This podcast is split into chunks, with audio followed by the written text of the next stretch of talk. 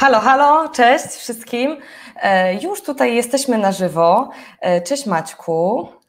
Cześć. Dajcie nam proszę znać, czy technicznie wszystko ok, czy nas słyszycie. Widzę, jest 10, 18 osób przed sekundą by, było. E, ja jeszcze sprawdzę tutaj, czy wszystko, czy wszystko jest ok.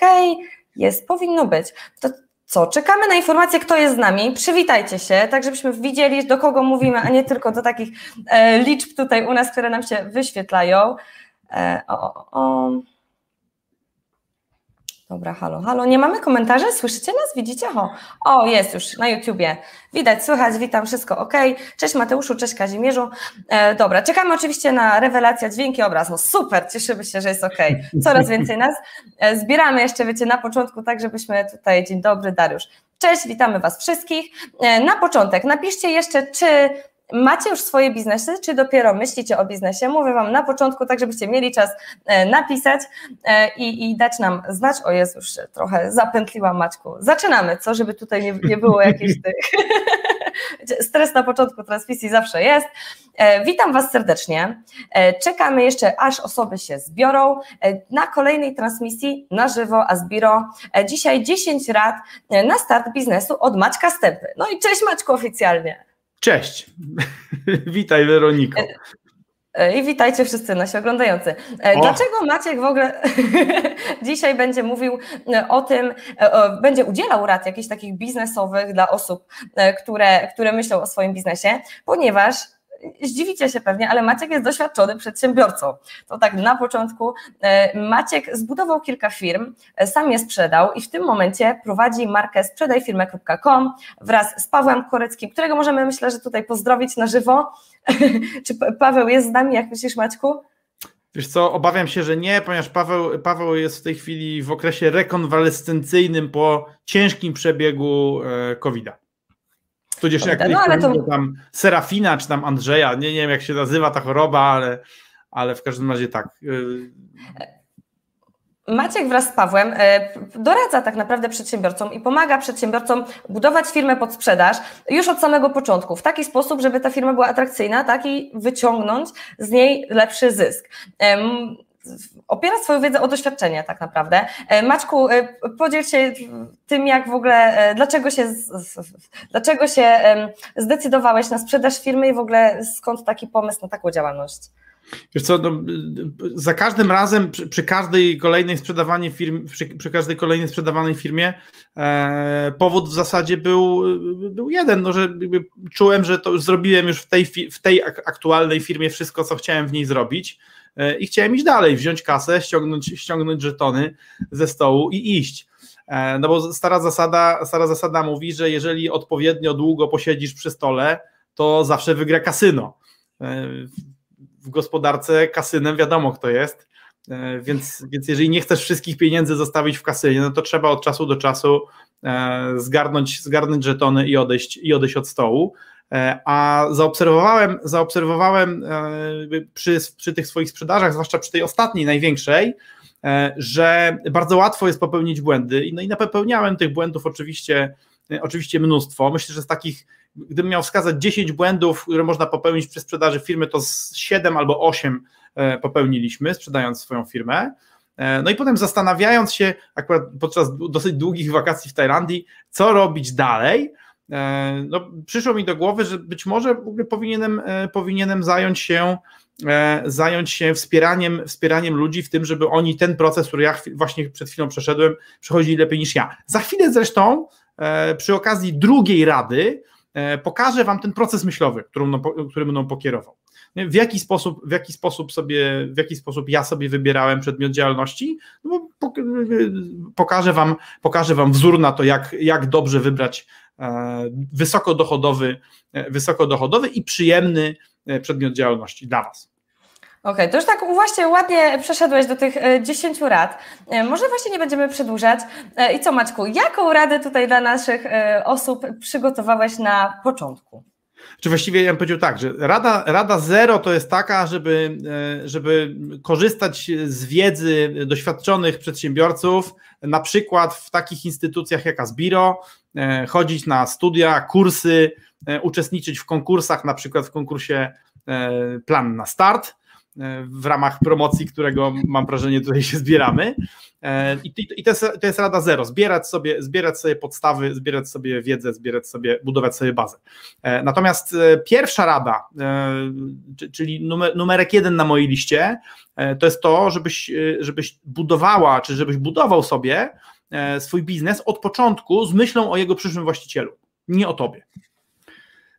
To może, może brzmieć kuriozalnie dla większości właścicieli firm albo ludzi, którzy właśnie zaczynają, e, no bo jakże to? No przecież ja buduję firmę, to jest moja firma, teraz nie będę miał szefa, czy nie będę miała szefa. E, mnóstwo ludzi myśli sobie właśnie w ten sposób, że, e, że idą sobie, że idą sobie precz z korporacji i teraz oto właśnie budują dla siebie miejsce na ziemi. Rzecz w tym, że, że, jakby, że nasze życie jest skończone. Mamy określoną liczbę lat, co więcej, e, lata w trzeciej dekadzie nie są, nie są w żaden sposób podobne do tych w czwartej, e, te w czwartej do tych w piątej, te w piątej do tych szóstej i tak dalej, i tak dalej. Są różne wyzwania życiowe, energetyka, ta wewnętrzna, wewnątrzcielesna, zdrowie, doświadczenie. Jesteśmy zupełnie innymi ludźmi. W związku z czym ktoś, kto planuje, że będzie prowadził jakąś firmę przez 50 lat, chyba oszalał po prostu. W związku z tym masz dwie możliwości. Trzy tak naprawdę. Albo zbudujesz firmę i ją, i ją sprzedasz, zanim, zanim stracisz zapał, energię i chęć do jej prowadzenia, e, albo, ci, albo ona ci zbankrutuje, albo, albo ona ci uschnie. E, bankructwa są bardziej spektakularne, je częściej widać, e, natomiast usychanie firm to jest strasznie nieprzyjemny proces. Przedsiębiorcy lat 90., którzy nie mieli tej świadomości, że firmy się buduje na sprzedaż, E, bardzo często budu, widziałem mnóstwo takich biznesów, jak popatrzysz na, na ich y, nawet 15-letnią historię czasami, to widać tak, że firma rośnie, jest energia właściciela, potem, spa, potem spada i się cofa do takiego poziomu, na przykład jak była w drugim czy trzecim roku. Potem po 8 czy 9 latach znowu, znowu jest na szczycie i potem znowu spada. E, tak naprawdę e, rozsądny właściciel myśląc perspektywą inwestora, którym też jesteś, bo tak naprawdę pracując w swojej firmie, jesteś inwestorem, e, jesteś zarządcą, bardzo często jesteś, jesteś, jesteś, jesteś też pracownikiem operacyjnym, no i jesteś prezesem, tak, no, tak zwanym prezesem, członkiem zarządu dyrektora, czyli kimś, kto podejmuje decyzje. E, bo zarządca układa, pracownik wykonuje, zarządca układa, e, prezes slash dyrektor decyduje o kierunku, a właściciel daje na to kapitał. No i teraz spełnia wszystkie te cztery role, ale najważniejsza tak naprawdę jest rola właściciela, ponieważ to jest rola, to jest rola ludzka, twoja. Nie? I teraz ten właściciel powinien mieć w głowie następującą rzecz. Więc i teraz zobaczcie, tu, tu jest, tu jest clue, skąd ta rada. Ponieważ właściciel firmy ma trzy wypłaty. Po pierwsze, pensję pracownika, pracownika, menedżera. Po drugie, premię za zysk. No jak zrobisz zysk, to jakąś część możesz sobie wypłacić. Oczywiście jak każdy, kto prowadzi czy prowadził rosnącą firmę wie, nie cały zysk, ponieważ firma jak rośnie, to chce coraz więcej kapitału. Jak ktoś tego nie rozumie, to wytłumaczymy później. E, no i po trzecie, największą wypłatę, czyli wypłatę ze sprzedaży firmy. I w normalnych warunkach prawie zawsze jest tak, że premia za zysk jest większa od wypłaty pracownika, a premia ze sprzedaży jest znacząco większa od, tej, od, od premii za zysk. No bo, bo, premia, bo premia za sprzedaż to jest zazwyczaj kilku, kilkuletni cały e, zysk wypracowywany przez firmę. A pamięta, jeszcze raz pamiętacie, że w rosnącej firmie e, nie da się wypłacać całego zysku na bieżąco, no bo firma chce ten zysk zjadać. Wydaje mi się, że jakby coś, coś chciałam wtrącić, ale wiesz Maciek, ładnie mówisz rozbudowane e, zdania, także ja, ja się nie będę wtrącać, jak nie będzie potrzeby, ale wydaje mi się, że w ogóle tak naprawdę właściciele firm e, często na początku nie liczą w ogóle żadnej swojej wypłaty, a tutaj mówisz o, o tej wypłacie, tak, jeszcze o sprzedaży i o jakby takim e, szerszym patrzeniu. Wiesz co, no, o, o, liczeniu, o liczeniu pieniędzy właściciela pewnie jeszcze będzie za chwilę w ogóle w kwestii liczenia, ale z drugiej strony zobacz, no jeżeli, jeżeli robisz biznes, no to, to powinieneś wybrać biznes, e, czy powinnaś wybrać biznes, który daje ci zarabiać. Jeżeli, jeżeli idziesz w biznes, na którym nie zarabiasz, no to, to, to tracisz czas, no to co tu dużo gadać. E, więc stąd druga rada, czyli bardzo rozważnie wybierz swój przedmiot działalności, bo jest na to wzór. I teraz jak działa, jak działa ten wzór? Jest to, jest to następujący proces. Po pierwsze, E, napisz sobie trzy rzeczy, w których jesteś najlepszy, najlepsza. ale w takim rozumieniu, w rozumieniu szerokim. To, mo, to mogą być rzeczy, w których masz kompetencje specjalisty, to mogą być rzeczy, w których masz doświadczenie życiowe, albo to mogą być ewentualnie jakby też rzeczy, e, w których, o których bardzo jesteś gotów e, dużo wiedzieć, w sensie chcesz wiedzieć, chcesz umieć. E, czyli zrób, zrób sobie listę, ale możliwie krótką, moim zdaniem, moim zdaniem trzy, maksymalnie pięć, maksymalnie pięć, ale to już, to już jest niebezpiecznie dużo, takich możliwych ścieżek. I jak sobie wybierzesz... Ale pytanie, tak. pytanie, czy to mają być takie rzeczy e, typowo, co umiem robić, czy co chcę robić, jakby się chcę no to, uczyć, nie wiem, zobacz, no to, czy chcę firmę tworzyć. E, I tak jak przed chwilą powiedziałem, to, to, mogą, to mogą być zarówno rzeczy, które umiesz robić, jak i rzeczy, które chcesz robić. Nie? Natomiast, natomiast jakby kluczem ma być to, że to, jakby, że, że, to są, że to są rzeczy, które, e, w których jesteś najlepsza. Czyli na, na przykład, na przykład, e, gdyby było tak, Weronika, na przykład, że e, na przykład ty jesteś, jesteś świetna w trzech rzeczach. W układaniu origami, w rozwiązywaniu sudoku i w zarządzaniu kapitałem, w zarządzaniu kapitałem w funduszach inwestycyjnych. Trzy całkowicie różne rzeczy. Okej, okay, okay, ale, ale, ale chodzi o to, że tak, że sudoku lubisz, origami chciałabyś umieć, a, fun, a fundusze umiesz. A, a, a, w funduszach po prostu jakby jesteś wyspecjalizowana, bo pracowałaś. Więc robisz sobie taką listę, listę tych rzeczy, w których mogłabyś prowadzić biznes. E, I to, jest, I to jest pierwszy krok, czyli ewidencja tego w ogóle, co ja umiem i mogę umieć, bo, bo teraz y, ludzie często mówią pasja, oprzyj biznes na pasji. Y, jest taki azbirowiec, który tam się trochę śmieje z tego i naprawdę napisał książkę, jak, tak, jak, jak powalić biznes. Jak, jak to było? Tak, tak. Tak. Jak położyć biznes na pasję? Jak położyć biznes na O właśnie, bardzo, bardzo mądrze Michał, Michał to, to tam pokazuje. Natomiast ja bym powiedział tak, że pasja to jest, to jest szansa na to, że, mo, że możesz sobie zbudować jakąś kompetencję. E, ja też uważam, że to jest największe ryzyko, opieranie biznesu na, na pasji, bo to jest, to jest opieranie, to, to, to, jest opieranie e, czegoś, co ma sztywno stać, na czymś, co nie jest sztywne. Wiesz, pasja sztywna nie jest. Pasja to jest dopiero szansa na to, że się coś zbuduje. No ale jak ktoś, jak ktoś nie ma twardych kompetencji, no to lepsza jest pasja y, niż nic. Nie? E, no i teraz tak, jak, jak, mamy, jak, jak mamy, mamy, te, mamy, te trzy, mamy, te trzy możliwe, mamy te trzy możliwe przedmioty. W moim przypadku e, te, jakby te trzy możliwe przedmioty e, po sprzedaży firmy księgowej to by, były następujące. Umiem budować i zarządzać firmami księgowymi, to po pierwsze. Po drugie, umiem doradzać w biznesie, czyli umiem poprowadzić firmę od E, od e, zera pracowników do około 30 pracowników. Czyli umiem wziąć człowieka, który nie ma żadnej firmy i poprowadzić go do takiego etapu, że ma 30-osobową firmę i zarabia około pół miliona złotych rocznie. To jest, to jest to, co umiem.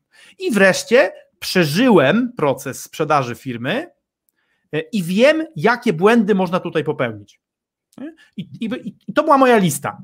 Czyli jeszcze raz, umiem budować i zarządzać firmy księgow- firmami księgowymi, E, umiem rozwijać, umiem rozwijać cudze biznesy od 0 do 30 pracowników i wreszcie e, wiem o tym, jak się nie sprzedaje firm, bo mam już ze sobą kilka sprzedaży, e, jedną zrobiłem dobrze i kilka zrobiłem źle. W związku z tym przechodzę do kolejnego kroku. Kiedy, kiedy już wiem, co mogę. Jak ktoś ma dłuższą listę, tam, bo tak jak mówiłem, no 4, 5, oceniam, ile można zarobić ile można zarobić, robiąc, robiąc te rzeczy, które sobie, które sobie wylistowałem. Nie? Ile, ile to jest warte? Nie? A, a jak to najlepiej zrobić? Najlepiej jest to przeliczyć na godzinę y, roboczą. Mhm. Ile możesz zarabiać na, na roboczej godzinie? No i co mi wyszło? Wyszło mi, że na budowaniu firmy księgowej e, z roboczo godziny zarabiam 200 zł. Na doradzaniu firmom, jak się rozwijać, z roboczo godziny zarabiam 500 zł. Na sprzedawaniu firm zarabiam z robocze godziny 1000 zł. Co powinienem wybrać? Prosta kalkulacja. Sprzedawanie firm. I teraz uwaga, e, na razie zachowuję sobie w pamięci ten wynik, że najlepiej wychodzi mi to sprzedawanie firm. Umiem te trzy rzeczy, nie? najlepiej zarabia ta trzecia. Ale zanim przejdę dalej, to zadaję sobie jeszcze jedno pytanie. Gdzie jest największa konkurencja, czyli gdzie jest trudno? Nie? Gdzie jest trudno?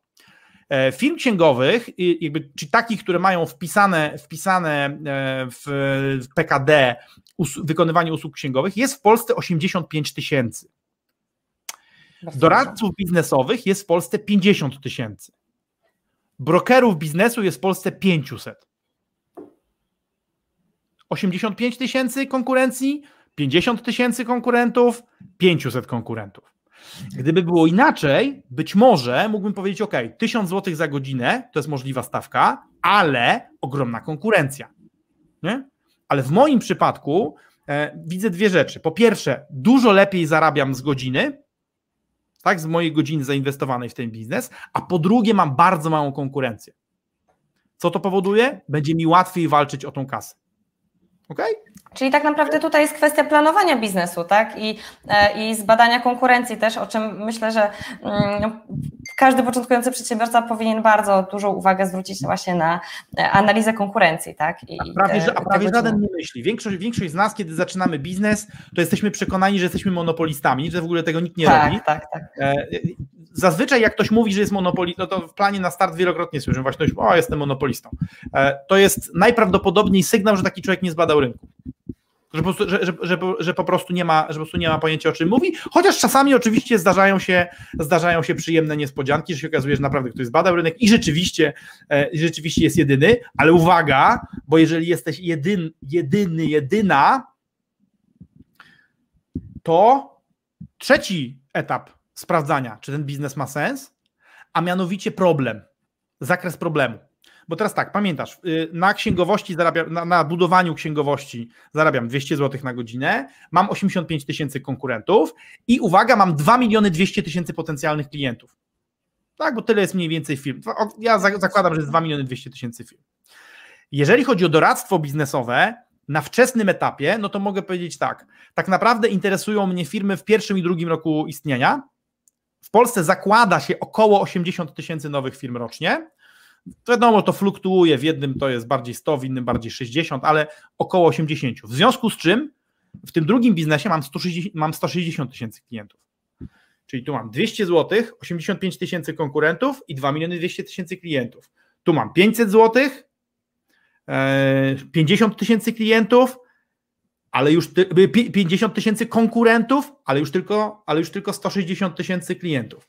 W przypadku sprzedaży firm, mhm. 1000 zł z godziny włożonej, 500 konkurentów, ale klientów, liczba firm dzielona mniej więcej przez 30. E, długo tłumaczyć, długo tłumaczyć, dlaczego, w jaki sposób doszedłem do tego wzorca. W mojej kalkulacji tak mi wychodzi, że firma się sprzedaje, że, że firma przeciętnie sprzedaje się raz na 30 lat. Biorę, biorę tutaj pod uwagę te, które E, upadają, te, które nie wychodzą, te, które są bezwartościowe, e, te, które są wartościowe, sprzedają się co 10 lat, powinny co 5, e, ale wychodzi mi tak, że z tych 2 milionów 200 tysięcy maksymalnie, maksymalnie około 40 tysięcy, maksymalnie około 40 tysięcy będzie, będzie na sprzedaż. Okay. Może 50. Nie? W związku z czym, tak, w, w związku z czym patrzę, teraz patrzę sobie na następującą rzecz ilu mam konkurentów i teraz liczbę konkurentów porównuję do liczby potencjalnych klientów. Nie? Więc jeżeli w sprzedaży firm mam 50 tysięcy potencjalnych klientów i 500 konkurentów, to znaczy, że, do że, że, że na, każdego, na każdego konkurenta przypada 1000 potencjalnych klientów. To chyba nieźle.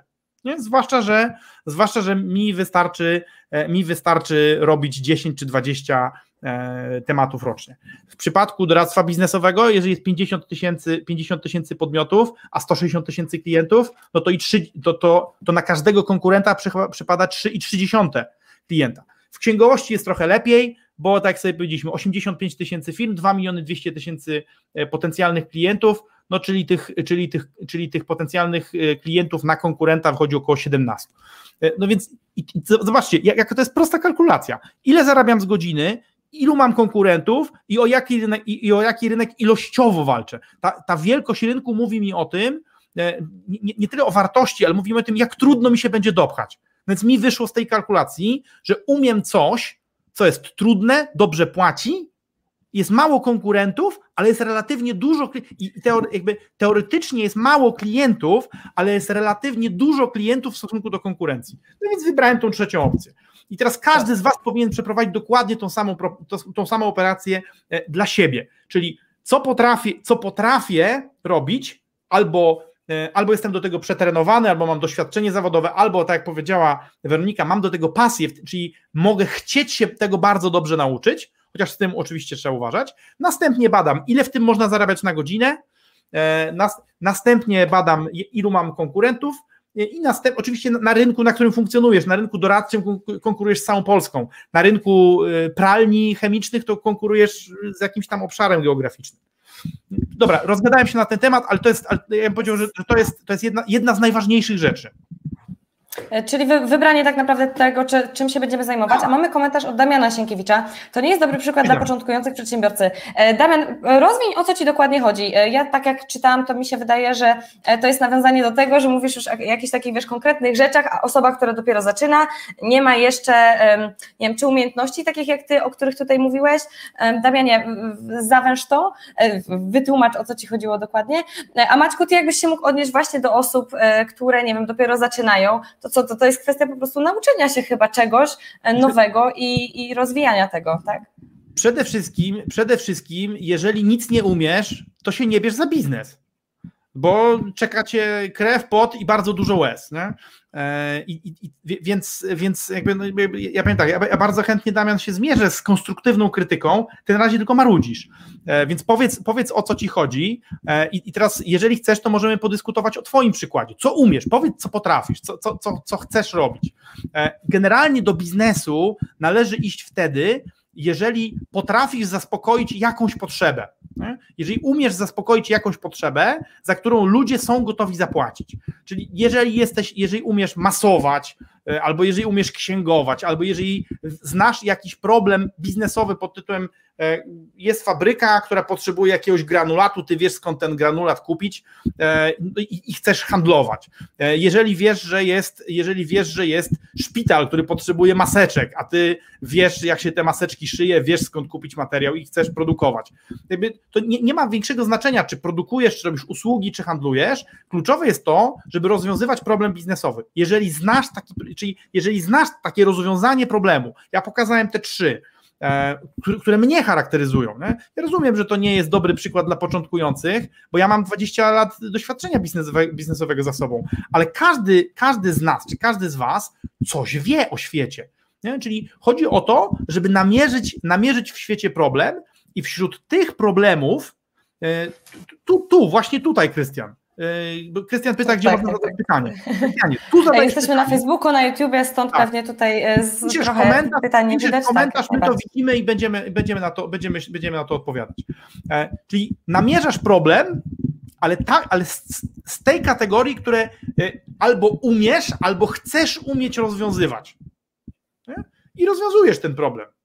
Jeżeli znasz, się na, jeżeli znasz się na energetyce i chcesz się mierzyć z problemami energetyki, proszę bardzo, nie? zasuwaj. Tyle, tyle, tylko, że, tyle tylko, że jeżeli chcesz opierać biznes na, na pasji albo, na, albo na, na, na czymś takim, czego, czego będziesz chciał, chciał czy chciała się uczyć, to trzeba niestety się liczyć z tym, że będziecie czekać oprócz rozwijania biznesu mnóstwo nauki. A zobacz. Okay, mamy odpowiedź od, od Mateusz, jakie warunki musi spełniać firma, która ma nadawać e, się do sprzedaży? Myślę, że to pytanie potem będzie dobre i będzie pasowało do rozwijania. E, tutaj Dobra. mamy odpowiedź na razie Damiana Sienkiewicza. E, chodzi mi o to, że nasze umiejętności zawodowe, a doświadczenie biznesowe to dwie różne rzeczy. Jakbyś tutaj... Ja powiem tak, to prawda, Damian, słuchaj, to prawda, natomiast, natomiast firmę trzeba robić w zakresie czegoś, co umiesz dostarczyć. Albo, albo, możesz, albo możesz sam te kompetencje nieść, albo możesz wiedzieć, wiedzieć, gdzie kupić rozwiązanie, albo gdzie, gdzie się zaopatrzyć w to rozwiązanie. E, natomiast rozmawiamy o tym, czym się ma zajmować firma. No to, to ona, ona, musi się, ona musi się zajmować czymś, o czym ty albo masz, albo chcesz mieć pojęcie. No i jeszcze raz ostrzegę, że jeżeli firma będzie się zajmowała czymś, na czym się nie znasz, to, to, to czeka cię no, no, no, no, no seria bolesnych porażek. Właściwie większość, większość mędrców biznesowych, których szanuję, e, na przykład Tad Witkowicz, którego zresztą poznałem chyba dzięki Weronice, e, mówi, że mówi, dla mnie dwie najmądrzejsze jego lekcje. Po pierwsze, każdą firmę buduje się po to, żeby ją sprzedać, a po drugie, żeby się nauczyć, najpierw pójść do kogoś. Pójdź do kogoś, naucz się i potem idź, i potem idź robić swoje. Nie musisz tam siedzieć 20 lat. posiedź 5 lat, ale niech ktoś cię nauczy za swoje pieniądze i wtedy, i wtedy, rób, i wtedy rób, rób ten swój biznes. Okej. Okay. Mamy, no od, od Mateusza, jakie warunki musi spełniać firma, która ma nadawać się do sprzedaży? Czy uważasz, że teraz, czy jakoś to potem rozwijamy? To mhm. Bardzo krótko. Co najmniej, co najmniej pół miliona złotych czystego zysku, e, kompletną strukturę pracowników, e, ma być niezależna operacyjnie i decyzyjnie od właściciela, czyli e, w środku mają być ludzie, którzy potrafią na co dzień spełniać potrzeby klientów bez angażowania ciebie. Czyli tak naprawdę firma, która się nadaje na sprzedaż, to ona po pierwsze zarabia, zarabia co najmniej pół miliona złotych rocznie, a po drugie, ty możesz wyjechać na wakacje i się nią nie zajmować, i ona nadal będzie funkcjonować. To, to po tym można poznać firmę, która się nadaje na sprzedaż. Jeżeli chcesz więcej na ten temat, to zapraszam na, na mojego YouTube'a, zbuduj firmę, naszego, mojego i Pawła, e, zbuduj firmę. To teraz, żeby, żeby słuchajcie, y, ja wiem, że chamska autopromocja, ale z drugiej strony po prostu no nie możemy zabierać za dużo, za dużo pas, mamy jeszcze 8 lat. Tak, 8 lat. E, pytanie, myślę, że do, w nawiązaniu do, do, tej rady, którą teraz udzieliłeś, od Magdaleny Siwi. Jeśli ma się kilka umiejętności, to warto prowadzić kilka biznesów, czy lepiej zająć się jednym? E, Magda, wiesz co, to jest tak, częściowo odpowiadam na Twoje pytanie później e, w Radzie numer, w Radzie numer 7 i w Radzie numer 8. Generalnie naraz powinno się prowadzić jeden biznes. Możesz sobie pozwolić na to, żeby od czasu do czasu delikatnie zboczyć z kursu, jeżeli to nie grozi temu głównemu kursowi. Natomiast jeżeli, wiesz, no, jeżeli chcesz przebić w tej takiej grubej, pancernej płycie rzeczywistości jakąś dziurę dla siebie, no to musisz palić się jak laser. A jeżeli, jeżeli świecisz w kilka punktów, to palisz się w najlepszym razie jak latarka. Nie? I więc, więc niestety robienie naraz kilku biznesów to jest rozmywanie kapitału, skupienia, uwagi i Twojego czasu. I ja bym odradzał. Jeżeli masz kilka umiejętności, to przeprowadź ten proces, o, o którym mówiłem, to będzie nagrane, więc będzie się można, można cofnąć. Wybierz tą, która daje Ci najwięcej pieniędzy z zainwestowanej jednostki czasu, e, która ma najmniejszą, tą, tą, która najlepiej wygląda w tych, w tych trzech obszarach. Najmniej konkurentów, najwięcej klientów i największe pieniądze z jednostki czasu i na tym się skup. Jak to już będzie chodziło, czyli będzie nadawało się na sprzedaż, to rób kolejne. Natomiast nie rób naraz. Nie rób naraz. No, wiesz, okay. Magda, można powiedzieć tak, że od, taka odpowiedź metaforyczna na Twoje pytanie jest taka, na ilu rowerach można naraz jechać? No to, bo to jest dokładnie taka sama liczba, e, jak, jak, jak, liczba biznesów, e, które realnie normalny człowiek, e, nie robiąc sobie krzywdy, może prowadzić. Chyba, że jesteś Elonem Maskiem, no to wtedy można. Ale no, ja przedsiębiorcy, zazwyczaj e, osoby przedsiębiorcze tak mają mnóstwo pomysłów na siebie, mnóstwo tak, tak naprawdę pomysłów no, w ogóle na biznesy, e, ale czym jest pomysł? E, tak naprawdę niczym, tak, jeżeli nie ma tego wykonania. E, dobra, mamy cały czas pytania. Oczywiście zadawajcie je na bieżąco, my potem będziemy do nich wracać. Kolejna, e, kolejna rada, Maćku, żebyśmy się wyrobili w czasie. Dobra, słuchajcie, ja, ja po, po, prostu pozwolimy sobie zostawić te pytania na razie bez odpowiedzi i przepraszam Was bardzo i wrócimy do nich, jak, prze, jak, jak przebiegniemy przez wszystkie, e, przez wszystkie moje podpowiedzi czy propozycje. E, więc e, i o MLM-ie, i o, i o, łączeniu z innymi rzeczami e, ustosunkuję się, ale najpierw, najpierw chcę Wam opowiedzieć wszystko, co przygotowaliśmy. W porządku? Dobra, no to w porządku. Tak sobie sam udzieliłem głosu. Cudownie. E, Trzeci, trzeci punkt, on być może będzie krótki. E, on jest bardzo, bardzo ważny dla ludzi, którzy chcą robić biznes z kimś. Należy szczegółowo ustalić e, warunki współpracy ze wspólnikami. To jest kluczowa sprawa. Ja prowadziłem większość biznesów, które prowadziłem w życiu, to prowadziłem spółki. Na początku swojego życia biznesowego prowadziłem biznesy sam, ale wtedy borykałem się ze wszystkimi wadami e, takiego właśnie takiego biznesu prowadzonego samodzielnie. Cały stres mój, ok, wszystkie pieniądze moje, ale też cały stres mój, wszystkie problemy moje, wszystko na mojej, na mojej biednej głowie. E, ze wspólnikami generalnie jest lepiej, jest więcej kapitału, jest więcej zaangażowania, jest więcej pracy, ale trzeba mieć bardzo dobrze ustawione zasady.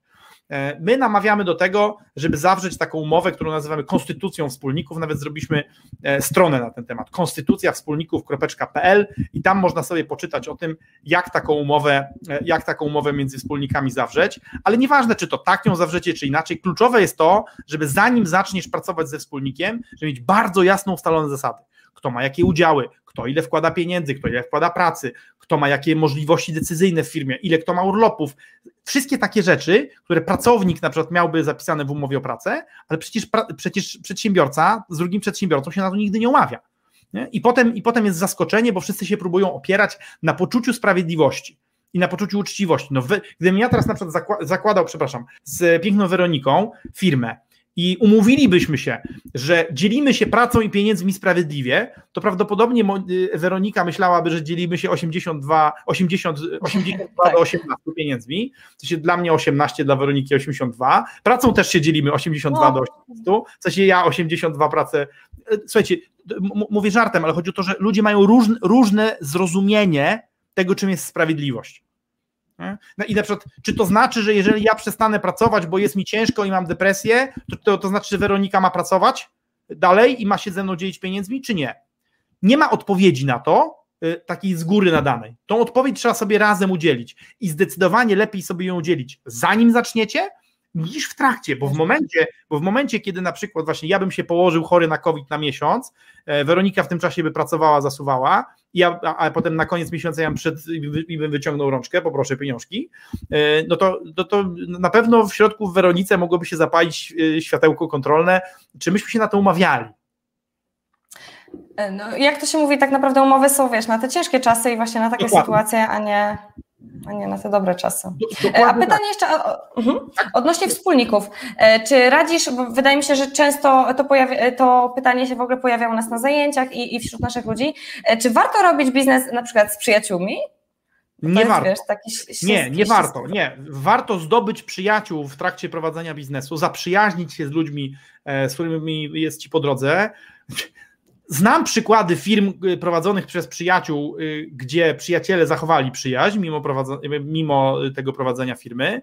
Natomiast mnie prowadzenie biznesu z jednym z moich przyjaciół kosztowało bardzo poważny kryzys tej przyjaźni. Z trudem teraz odbudowujemy relacje, y, ale ta relacja, ale taka relacja, że ja byłem, ja byłem prezesem firmy, on był jednym z członków zarządu, i, i byliśmy obaj wspólnikami.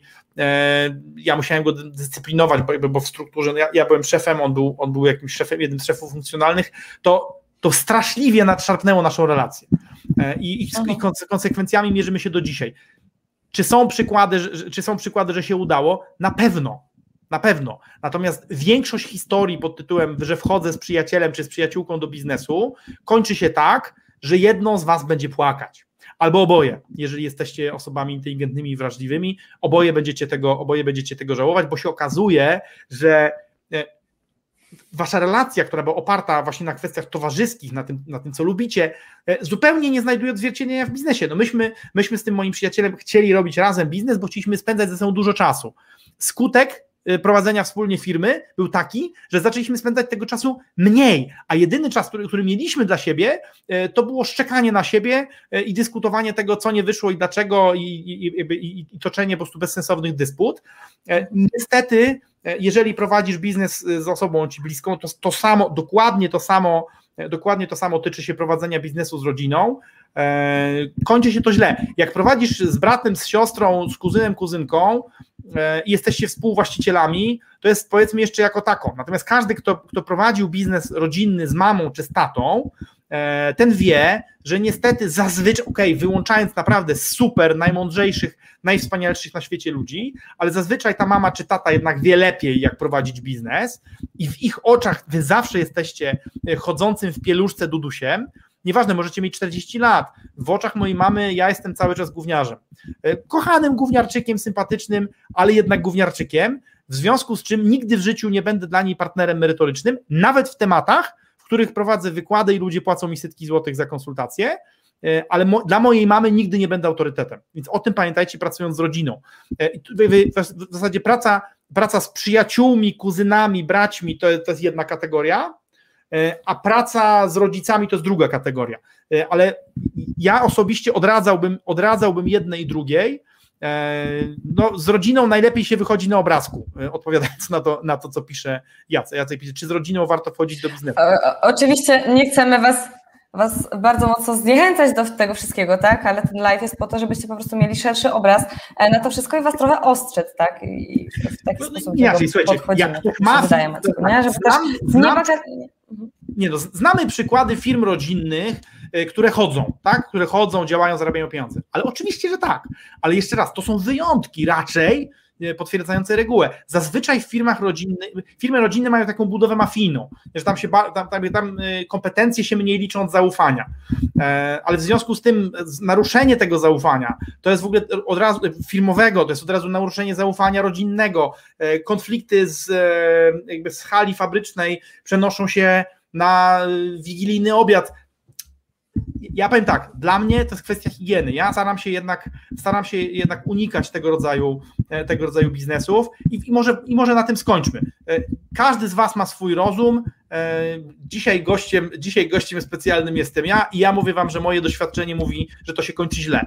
Być może przyjdzie po mnie ktoś, kto, kogo, kogo zaprosi Weronika i powie Wam, że, że jest fajnie. Moje doświadczenia z firmami rodzinnymi, zarówno z tym, jakby z tymi E, rówieśnikami, nazwijmy bracia, siostry, kuzyni, kuzynki, przyjaciele, bo bliscy przyjaciele to do, dokładnie tak samo to działa, się kończą. Konfliktami jest niedobrze, a z rodzicami prawie zawsze jest konflikt, ale to, to jest ten konflikt wynikający z tego, że dla rodziców prawie nigdy nie będziemy partnerami. Łatwiej jest zostać partnerem dla dziadka, wbrew pozorom, czy babci, niż dla rodzica. Ale to, to jest osobna historia. Jedźmy dalej, bo czas ucieka, a jesteśmy dopiero w trzeciej tej. Tak, tak, tak, Maćku. Kolejna zasada. Takie, kolejna zasada, do której Was namawiam, e, to zanim zaczniesz, to wszystko szczegółowo policz.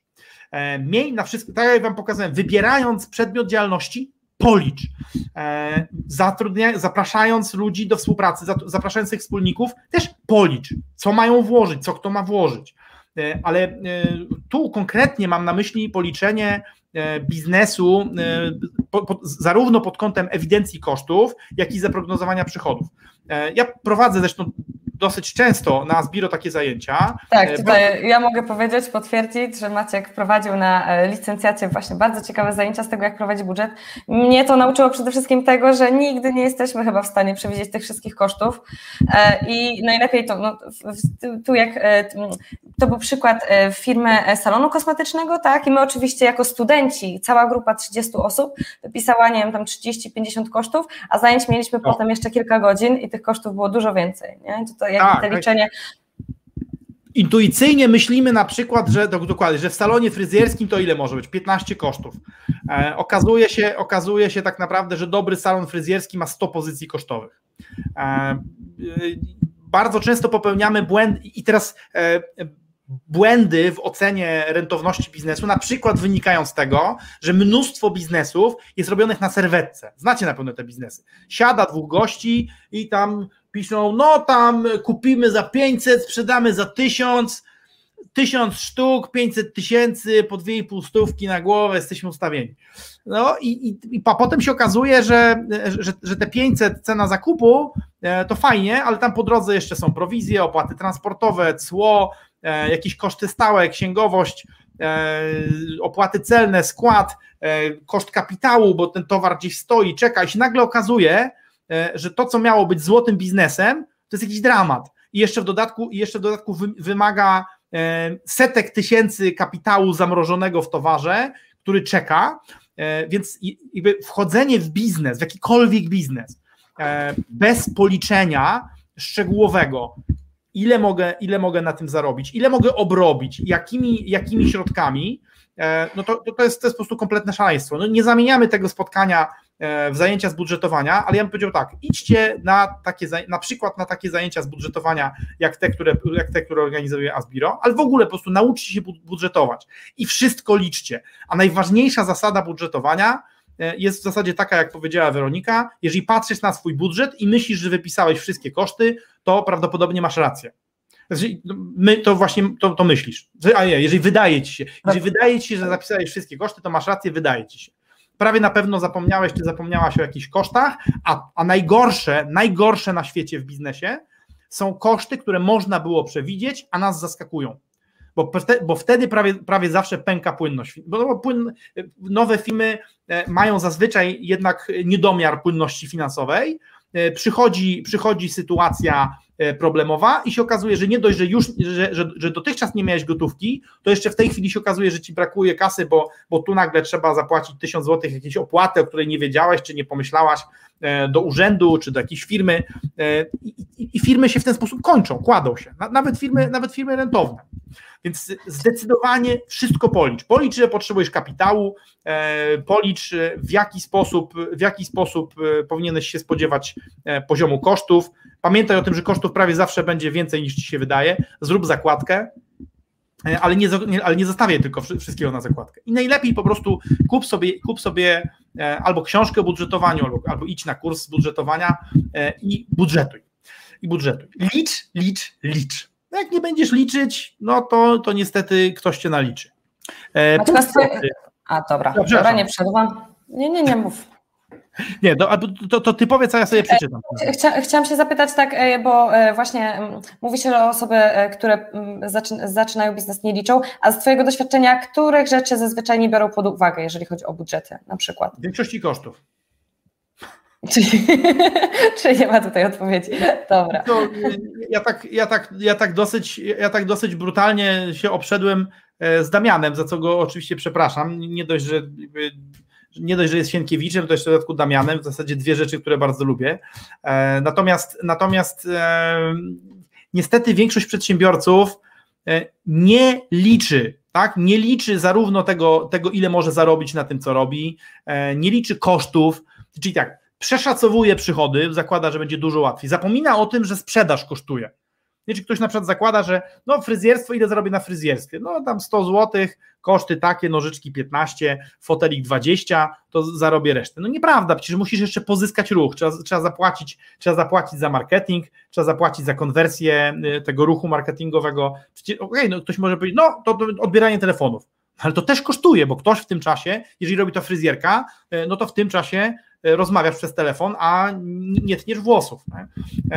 E, to, to nieliczenie, to, nieliczenie to jest plaga. I, i, i, i zapomin... Wiesz co, Weronika, ja, ja, ja bym powiedział tak, e, to, co, co wam powiedziałem, to, to, co powiedziałem. Jakich kosztów ludzie zapominają? Praktycznie wszystkich. Praktycznie wszystkich. I przeszacowują przychody i nie doszacowują kosztów jeżeli, jeżeli byśmy przyjęli taką zasadę, że zanim przystąpisz do jakiegokolwiek biznesu, to, to sobie wszystko dokładnie przeliczysz, to 4 na 5 biznesów nigdy nie dojdzie do skutku. Bo tak, nie, teraz nie pamiętam, czy te zajęcia, na których ty byłaś, e, to czy one, one nam się zamknęły pozytywnie, czy nie? Czy myśmy się zamknęli, czy, czy, czy myśmy się zamknęli na czerwono? Chyba nie. Właśnie nie, uda, nie udał się budżet, nie? Co się okazało się, że ta firma nie ma sensu. No i właśnie o to chodzi, że. Bo teraz oczywiście paradoks polega na tym, że konstrukcja moich zajęć jest zrobiona tak, że jak biznes się nie udaje, to super, bo to znaczy, że tego biznesu nie należy robić. A niestety, wiesz co, niestety przy budżetowaniu, przy liczeniu popełniamy często taki błąd, że nawet ludzie liczą, umieją liczyć. Nie? I mi tam wychodzi, wiesz, kalkulują, a że za 500 kupią, za 1000 sprzedadzą, po drodze będzie tyle kosztów, wychodzi im, że to bez sensu biznes. A dobra, jakoś to będzie. No i, i wiesz, to, to, jest w ogóle, to, to, jest w ogóle diabelstwo, nie? Czyli jakby jak wiesz, jak, jak, ominąć, jak ominąć wilczy dół, a i tak w niego wpadasz. Nie? Natomiast. No, to nie wchodź, nie wchodź. Nie, no po prostu jak widzisz, widzisz, widzisz dół najeżony ostrymi kołkami, no to omijaj, nie? a nie wskakuj do środka. E, piąta rada to to, żeby jak, jak planujesz organizację, e, to żebyś układał, czy układała, układał, czy układała rolę, a nie ludzi. E, to jest przekleństwo firm, które powstają właśnie z tego ze świadczenia usług czy wykonywania prostych robót, gdzie na przykład pracuję sobie ja, potem na drugim, na, na drugim miejscu, uwaga, zatrudniam Weronikę. I teraz jak myślę o organizacji, no to, ja się zajmuję tym, Weronika się zajmuje tym. I teraz y, wyobraź sobie, że mam teraz opowiedzieć strukturę organizacyjną. Nie? Jak wygląda nasza struktura organizacyjna? Maciej i Weronika. A to, to jest błąd. To, to trzeba zaplanować tak, więcej, tak, tak, tak. Ale w ogóle jak się, jak, się, jak się znaleźć w tej strukturze? Gdyby ktoś miał mnie zastąpić, nie? No to, to w takim razie co? Rola w firmie to się nazywa Maciek albo Weronika? No nie. Rola w firmie no to jest marketingowiec, sprzedawca, E, producent, administrator, co najmniej, nie? bo, bo, te, te, te, cztery, te cztery rzeczy bezwzględnie w firmie muszą się znaleźć, tak? czyli musi znaleźć rola kogoś, kto przyprowadzi chętnych na zostanie klientami, e, czyli marketing, ja nazywam tą osobę marketingowcem, musi być ktoś, kto e, przekona tych ludzi, się przekona, utwierdzi tych ludzi w tym, że przyszli we właściwe miejsce i to jest sprzedawca, czyli pokaże, dopasuje im z arsenału rozwiązań firmy E, te rozwiązania, które są dla nich, albo powie im nie, pan, nie, proszę Państwo, e, nasza firma nie jest dla Was. Sprzedawca jest odźwiernym tak naprawdę. Marketingowiec jest tym takim gościem, który jakby w, knajpie, jakbyś, jak, jak popatrzysz, to jest ten, kto chodzi po ulicy i mówi, chodźcie do mojej knajpy, chodźcie, chodźcie, chodźcie do mojej knajpy. Nie? A sprzedawca to jest ten, kto wpuszcza do knajpy. Jest, jest, trochę, jest trochę jak e, jest trochę tak jak, tak jak ten, ten bramkarz, nie? Mówi, zapraszam, proszę bardzo, a nie, nie, nie, ty nie, to nie jest dla ciebie. Nie? Mój produkt nie jest dla ciebie. E, ludzie tym często zapominają. Trzecia rzecz to jest ktoś, kto odpowiada za produkcję. Produkcja e, w cudzysłowie, bo w usługach wiadomo, to jest dotrzymanie, dotrzymanie umowy obiecanej przez sprzedawcę. W przypadku produkcji, no to tej takiej produkcji prawdziwej to produkcja. W przypadku handlu, no to jest ktoś, kto jest odpowiedzialny za to, żeby ściągnąć towar i go dostarczyć do klienta, ale jakby generalnie no można, to, można powiedzieć, to jest ten dział dotrzymywania umów. No i wreszcie jest administrator, czyli ktoś, kto pilnuje, żeby, żeby wszystkim za wszystko terminowo zapłacić, żeby, żeby kwity się zgadzały i żeby Urząd Skarbowy się od nas odpieprzył. I, te, i, i, takie, takie podstawowe role, takie podstawowe cztery role e, muszą być w każdej firmie. I teraz e, oczywiście te role, im firma jest większa, tym one są bardziej rozbudowane i więcej osób je spełnia e, i w coraz bardziej skomplikowane sposoby. Natomiast kluczowe jest to, żeby nie myśleć przez pryzmat tego, że firma E, to jest e, Jacek, Agatka, Zbyszek i Halinka, tylko firma to jest właśnie człowiek od marketingu, człowiek od sprzedaży, człowiek od e, dostarczania czy od produkcji i człowiek od, od administracji. Tak? Czyli trzeba, trzeba myśleć, trzeba myśleć przez, przez pryzmat ról, bo jakbyś myśleć przez pryzmat ludzi, to dużo łatwiej będzie dać się potem szantażować tym ludziom, i w jaki sposób manipulować, oni tam będą przychodzić, żądać podwyżek, no to normalne, jak w firmie idzie, o, Pawcio jest, fantastycznie, cześć Paweł.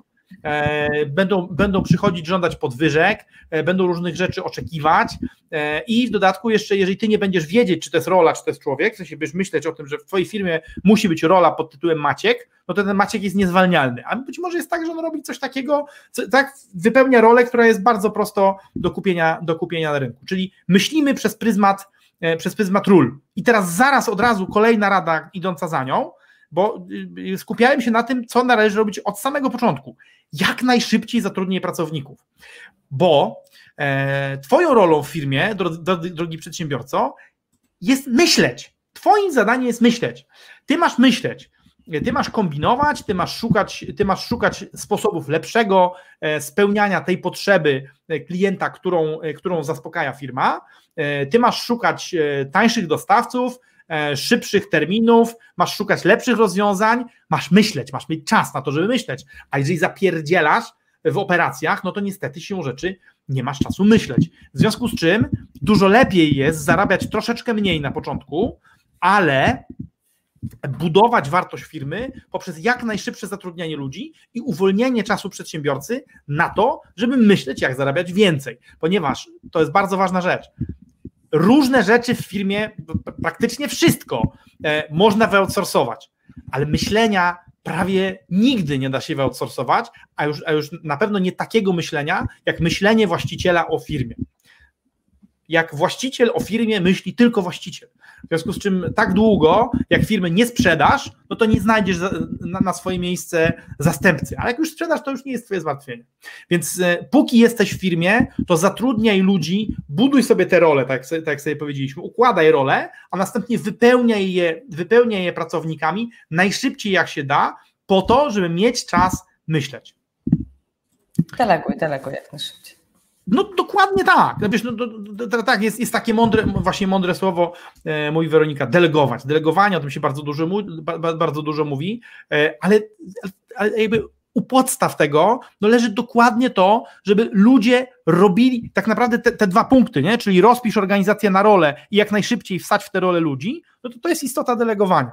Oczywiście jeżeli chcecie to robić dobrze, to też warto pójść na, pójść na zajęcia e, i na Zbiro można się tego nauczyć i można książki przeczytać i można na YouTubie posłuchać, ale kluczowe, kluczowe jest to, żeby wiedzieć po co, bo delegowanie jest po to, żebyś ty miał czas, miał, miała czas na to, co jest najważniejsze, czyli na myślenie o tym, jak robić tak, żeby firma e, zarabiała jak najwięcej. Wreszcie punkt, punkt siódmy, E, i on trochę wraca do tego, o czym mówiła Magda Siwy. E, o skupienie, wraca do tematu skupienia. O, y, cześć Paweł, bardzo miło Ciebie również widzieć i słyszeć. Siema, siema. E, punkt siódmy, czyli skupiaj się. Skupiaj się, skupiaj się na głównej działalności, ale pamiętaj o punkcie ósmym. E, czemu skupiaj się na głównej działalności? Ponieważ jesteśmy e, organizmami żywymi, biologicznie jesteśmy małpami.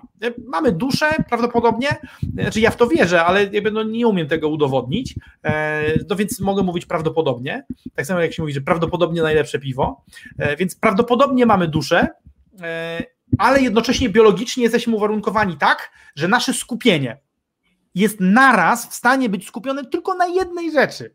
Jeżeli myślicie, że to nieprawda i że, może, że możecie na przykład jednocześnie, e, jednocześnie grać e, w coś na komórce e, i oglądać to, co robimy tutaj w 100%, to macie znowu macie rację, myślicie. To wielokrotnie Multitasking obalone. Nie, nie absolutnie. To, to, to, już zostało wielokrotnie. Ja powiem tak, kobiety sobie trochę lepiej radzą, biologicznie są lepiej przystosowane do przeskakiwania między zadaniami. Natomiast człowiek, gdybyśmy mieli, gdybyśmy oczywiście porównywanie człowieka do komputera e, jest, jest oczywiście bardzo pochlebne dla komputera, bo to, co mamy tu jest na razie cały czas niepomiernie lepsze, zwłaszcza w, w, skomplikowanym, wielozadaniowym, zmieniającym się e, myśleniu. Natomiast, natomiast człowiek, jeżeli by w ogóle porównywać do komputera, to ma potężny procesor, ale jednowątkowy. Jednowątkowy. E, kobiety sobie lepiej radzą zazwyczaj z przeskakiwaniem między wątkami. E, facetów bardzo dużo kosztuje przechodzenie między wątkami, więc najlepszą metodą na, na, na pokonanie przeciwnika mężczyzny, to jest, roz, to jest rozpraszanie go. Kobiety jest trudniej rozproszyć. Dziewczyny są dużo, dużo lepsze w ogóle w obronie przed, przed, takimi, przed takimi rzeczami. E, natomiast e, nie, nie potrafię wytłumaczyć dlaczego, nie wiem, nie będę się, nie będę się odważał domyśleć, dlaczego tak jest. A, haha, żyj w naturze, posiada na mówi, pracuję i słucham. I, I oczywiście jakiś tam 30, 20 czy 30% E, mam nadzieję, mam nadzieję zostanie, mam nadzieję, że zostanie u Ciebie te najważniejsze 20 czy 30%. E, no, no i teraz... Zasada, Maćku. Dokładnie tak. E, skupienie się, skupienie się na, głównej, na, na głównej działalności, dlatego, że zazwyczaj jak zaczynasz, to masz mało zasobów, masz mało pieniędzy, często masz mało czasu, bo jeszcze robisz tak, że, że, jakby, że, pracujesz, że pracujesz etatowo na to, żeby żyć, a w tym, w tym wolnym czasie robisz biznes, czyli masz mało tego czasu masz zazwyczaj mało pieniędzy, więc e, te, te zasoby trzeba kumulować. E, jeżeli ktoś ma wątpliwości co do, co do skuteczności zasady skupienia, to proszę bardzo, porównajcie sobie efekty, efekty działania e, Napoleona w kampanii włoskiej 1798 i efekty działania Napoleona pod koniec, pod koniec pierwszej dekady XIX wieku.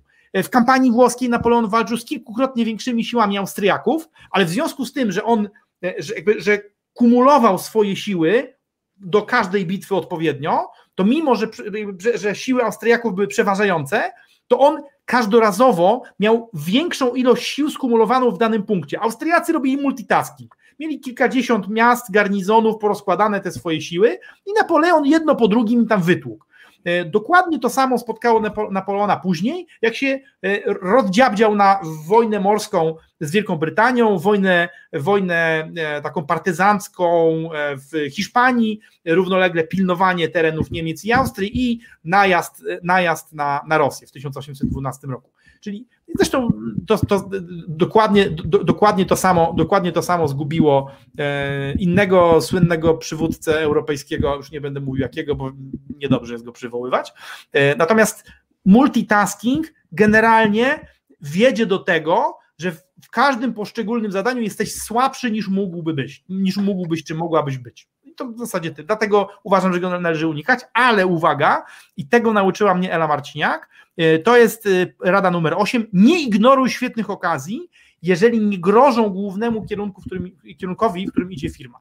Czyli innymi słowy tak, generalnie skupiaj się, ale jeżeli jest tak, żebyś, żebyś nie, nie był jak ten, jak ten facet, wiecie, że w Stanach Zjednoczonych mówi się, że tam pieniądze leżą na ulicy. I facet się nasłuchał, pieniądze leżą na ulicy, pieniądze leżą na ulicy, e, poleciał poleciał do, do Nowego Jorku, wylądował na JFK, e, wysiadł, przeszedł przez tą bramkę, tam na niego popatrzył ten oficer, a dobra, niech przechodzi, e, chłop wychodzi, była niedziela, wychodzi, patrzy, leży 100 dolarów na ulicy, I już się schyla, mówi, ale dziś jest niedziela, przy nie pracuję, nie? No i cyk, i zostawię. Nie? I teraz, e, jeżeli spotyka was taka sytuacja, tak, czyli, jakby, czyli idziecie swoją drogą, ale jest okazja, której zrealizowanie nie szkodzi waszemu głównego, głównemu biznesowi, bo ona jest bardzo blisko waszego głównego nurtu, to należy ją wykorzystać.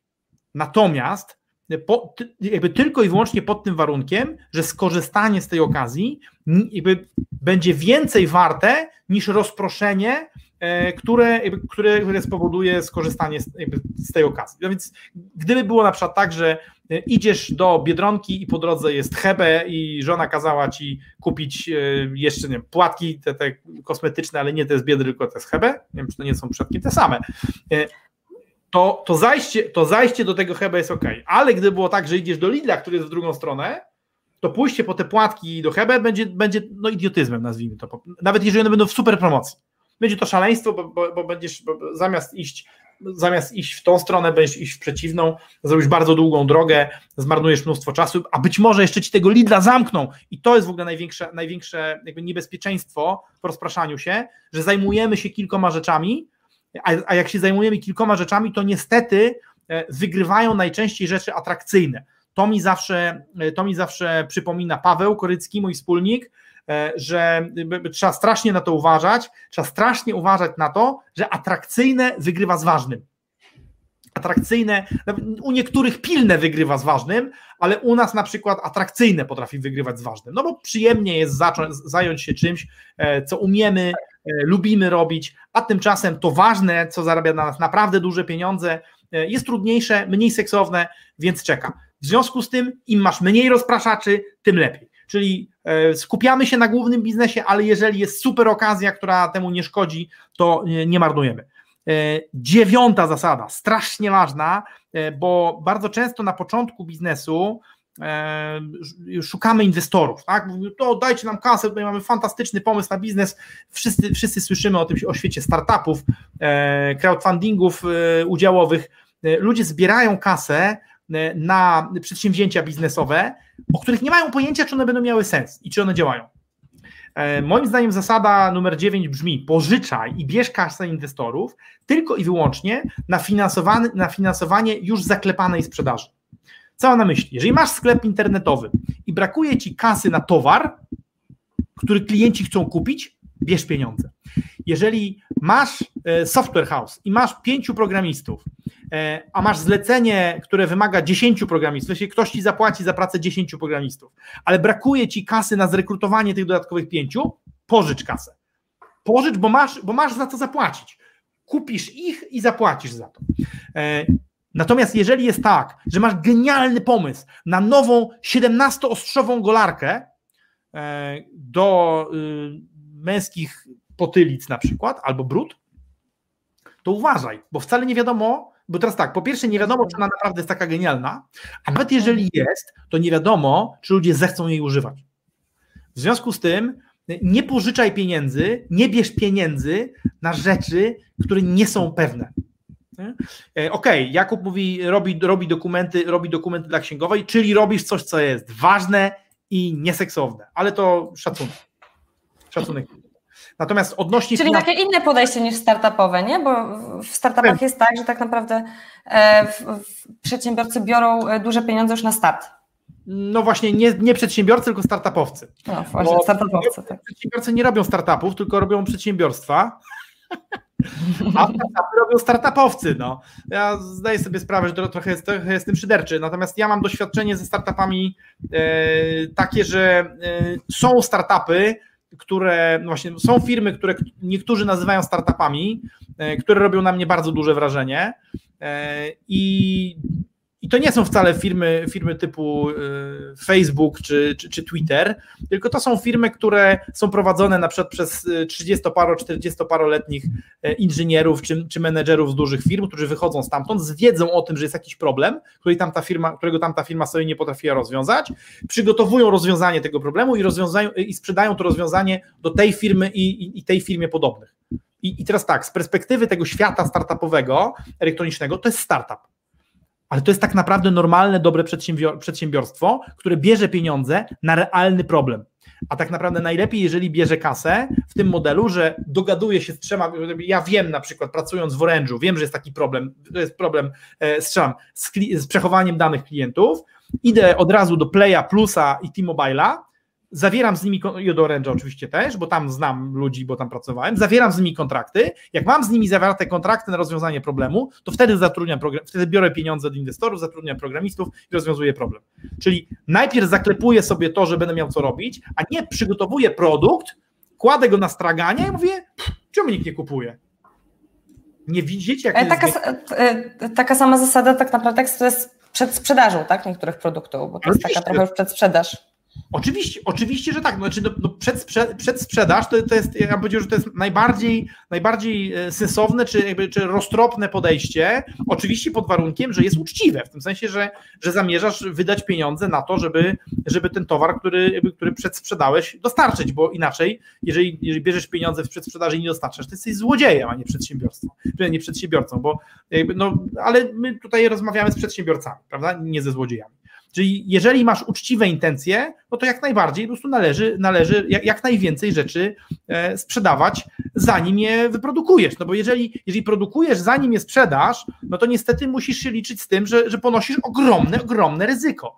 E, I robienie tego za swoje pieniądze, to jest ryzyko, ja bym powiedział, jakoś tam uzasadnione, no bo masz fanaberię, że chcesz sobie szastać własną kasą, ale jeżeli szastasz cudzą kasą, czyli pożyczasz pieniądze, bierzesz pieniądze od inwestorów, bardzo często ciężko zarobione e, i przekonujesz ich, mamisz, opowiadasz, pokazujesz wykresy, a potem się okazuje, e, że ty tak naprawdę to by się tylko wydawało, że tak będzie.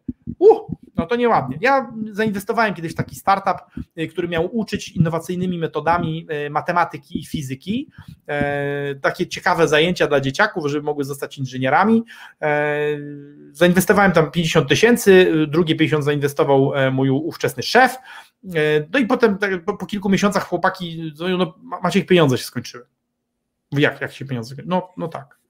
Ale kupiliście wszystko to, co mieliśmy w planie? E, no nie wszystko, ale kupiliśmy zdalnie sterowany czołg strzelający kuleczkami tym takimi do ASG. Przepraszam, co? I pokazali mi rzeczywiście, kupili zdalnie sterowany, sterowany radiem czołg, on tam kręcił wieżą, na przykład mógł wysterować i strzelać tą taką plastikową kuleczką. Mówię, no dobra, za, 3 tysiące, za ile to kupić? Za 3 tysiące, ok? Kupi, czyli kupiliście czołg, a, a co z, ze sprzedażą naszych kursów? No rozeszły się pieniądze. Nie?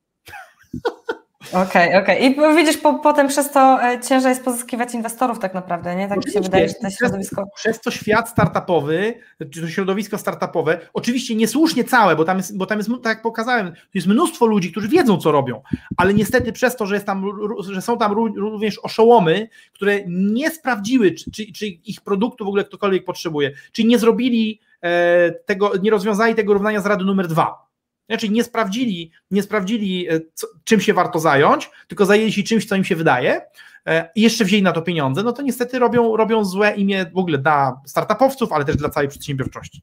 No i wreszcie punkt numer 10. E, ucz się na błędach innych, lepiej na innych niż na swoich. Ja niestety, ja niestety uczyłem się w bardzo dużej mierze na swoich błędach co jest drogie i mnie kosztowało, w związku z czym e, do bycia milionerem musiałem dwa razy dochodzić. E, odradzam tej ścieżki zdecydowanie. Zdecydowanie lepiej robić, jest, jest robić to raz, e, ale znam też ludzi, którzy robi to jeszcze częściej, w sensie jeszcze więcej razy. Dochodzili, wracali, dochodzili, wracali. Uczenie się na, na cudzych błędach to uczestniczenie w studiach i kursach takich jak kursy Asbiro. Uczestniczenie, uczestniczenie w szkoleniach rzetelnych e, szkoleniowców. Uczestniczenie. Branie udziału w takich transmisjach jak tam. A, oczywiście, że tak. Korzystanie, korzystanie z darmowych materiałów, bo nie zawsze, bo nie zawsze e, tylko i wyłącznie to, co jest płatne, jest wartościowe. Przy czym oczywiście z darmowych trzeba sobie tam bardziej tak powybierać, nie? Trzeba, trzeba, trzeba więcej wysiłków tu włożyć. Czytanie książek, słuchanie programów. Słuchajcie, Nikolas Nassim Taleb mówi o tym, jeden z moich bohaterów, facet, który pokazuje o tym, jak bardzo dajemy się kiwać y, losowości y, i, i, i prawdopodobieństwu. Y, mówi o tym, że właściwie jedyna wartościowa wiedza, taka prawdziwie wartościowa wiedza w życiu i w biznesie, to jest, to jest wiedza, którą on nazywa tak zwana via negativa, czyli którędy nie iść. Bo teraz, jeżeli wsadzę rękę do piekarnika i się poparzę, to wiem na pewno, że nie warto wsadzać gołej ręki do piekarnika. Ale czy na przykład, czy warto wsadzać gołą rękę do, do Thermomixa? Nie wiem. Czy, wa, czy warto wsadzać gołą rękę do śmietnika pełnego gnijącego jedzenia? Nie wiem, nie robiłem tego. Nie? Jest wiele różnych miejsc, które można korzystnie albo niekorzystnie umiejscowić swoją dłoń. Zdecydowanie lepiej sadzić ją na przykład do słoja z pieniędzmi, zwłaszcza jeżeli on jest, jeżeli on jest bezpański, e, niż do rozgranego piekarnika. Natomiast, natomiast wiedza o tym, czego nie robić, e, to jest wiedza, którą, z którą zdecydowanie łatwiej jest się zapoznać, dlatego że jakby z firmami jest tak, że każda świetna firma jest świetna na swój sposób. Zobaczcie, już nikt nie zrobi Apple'a, takiego jakim jest Apple. Trzeba to wymyślać na nowo. Już nikt nie zrobi Google'a, takiego jakim jest Google. Nikt nie zrobi Facebooka, nikt nie zrobi Tesli, SpaceXa. Nie da się zrobić drugi raz tego samego sukcesu. W związku z czym trochę bez sensu jest na przykład studiowanie takie dogłębne życiorysu Jobsa czy Maska e, i, i poszukiwanie tam jakiejś formuły na sukces.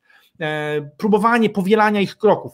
To nie tak. Tak naprawdę lepiej jest czytać i słuchać o tym, jak ktoś sakramencko spieprzył i postawić sobie za punkt honoru, żeby nie spieprzyć, czyli nie, nie popełnić kluczowych błędów, niż szukać tego złotego grala e, w historii, bo tak naprawdę odpowiedź na to, e, jak zrobić kolejną fantastyczną firmę, jest w przyszłości i kolejna fantastyczna firma będzie zupełnie inna niż poprzednie fantastyczne firmy.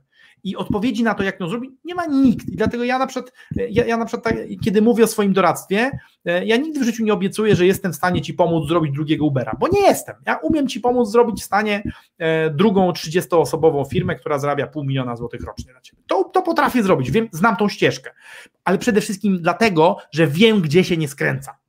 E, w Krafmadze, którą y, trenowaliśmy z Pawłem, Paweł więcej tam Combat 56 i Taekwondo, ale e, w, w tych sztukach walki takich nazwijmy o rodowodzie wojskowym e, uczy się tego, że najważniejszą zasadą zachowania bezpieczeństwa jest to, żeby nie chodzić, jeżeli nie chcesz dostać w mordę, tak, to nie jedź do miasta, w którym biją.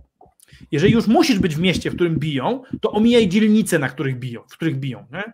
Jak musisz być w dzielnicy, w której biją, to omijaj te najgroźniejsze ulice. Jeżeli znajdziesz się na takiej ulicy groźnej, no to, to ile możliwe, to uciekaj. Nie? Czyli unikaj, unikaj e, niebezpieczeństwa i słuchaj historii ludzi, którzy dostali w papę, więc nasłuchuj tego, do jakiego miasta nie warto jechać, do jakiej dzielnicy nie warto się, czyli inny, innymi słowy, pilnuj tego, gdzie nie warto włazić. Pilnuj tego, gdzie nie warto płacić. I słuchaj przede wszystkim tych, którym nie wyszło, tylko, ale, ale pod jednym warunkiem, że to nie są ludzie, którzy obarczają cały świat, tylko ludzie, którzy przetworzyli porażkę. Ludzie, którzy przetworzyli porażkę, wzięli za nią odpowiedzialność, powiedzieli, ok, dobra, spieprzyłem to, bo zrobiłem taki i taki błąd. To są ludzie, których warto słuchać. Ludzi, którzy mówią, spieprzyłem, spieprzyło się, bo mi tam zepsuł świat, rząd czy ktoś, to szkoda czasu, to są marudy. Nie słuchaj marud, ale ludzi, ale ludzi, którzy mądrze przeżyli porażkę, słuchaj, nie po to, żeby powielać ich kroki, ale po to, żeby nie powielać ich kroki. Wydaje mi się, że ja, ja bym jeszcze do, do tego rozmawiał z osobami, które tak. są bardziej doświadczone. No nie? To, to nie tylko nie tylko słuchaj innych, ale też rozmawiaj, konsultuj. E, co, już e, zbliżamy się do końca e, powoli. Jeżeli są jeszcze jakieś pytania takie macie konkretne do Maćka, to, to mamy chwilkę na to. I mamy od Mateusza komentarz. Cześć, na początek dzięki za wartość, którą nam dajecie, także Maćko to do Ciebie. I czy masz jakieś doświadczenie na temat rozwijania biznesu w branży prawniczej? Ale pytanie, Miałem co... Kancelarię. Miałem kancelarię prawną, ale nie zrobiłem na tym wyjątkowego biznesu. Dziś nawet, dziś nawet firma, którą sprzedałem jeszcze cały czas się sądzi z jednym z prawników, który, który z nami pracował. E, wiesz co, branża prawna i branża, branża podatkowa to są strasznie trudne branże. E, tam wykonujesz usługę, a potem konsekwencje ciągną się za tobą latami. E, bo doradzisz, a potem się okazuje, że ta porada na przykład, to coś się zmieniło w prawie, za chwilę e, ktoś nie zauważył tego, że kiedy doradzałeś to było aktualne, a potem się zdezaktualizowało, ma pretensje do ciebie, e, są strasznie długie, są strasznie długie dyskusje na ten temat. Prawo i podatki to, to, to jest bardzo trudny i bardzo niewdzięczny biznes, tutaj można zarabiać, natomiast wiesz, no ja umiem zorganizować firmę doradztwa podatkowego, ale się już za to nie biorę drugi raz. Za księgowość bym wziął, mimo że też jest kłopotliwa, ale za, ale za samo doradztwo podatkowe ani za kancelarię prawną drugi raz bym się już nie wziął. Co Maćku, już odpowiedziałeś na kolejne nasze pytanie tak naprawdę. Tak, naprawdę? Jakie A, branże omijać z daleka? jakie branże omijać z daleka? Przede wszystkim omijać z, branży, omijać z daleka branże, w których się mało zarabia, w których jest ogromna konkurencja, czyli będzie po prostu wszystkie branże, w których jest walka ceną.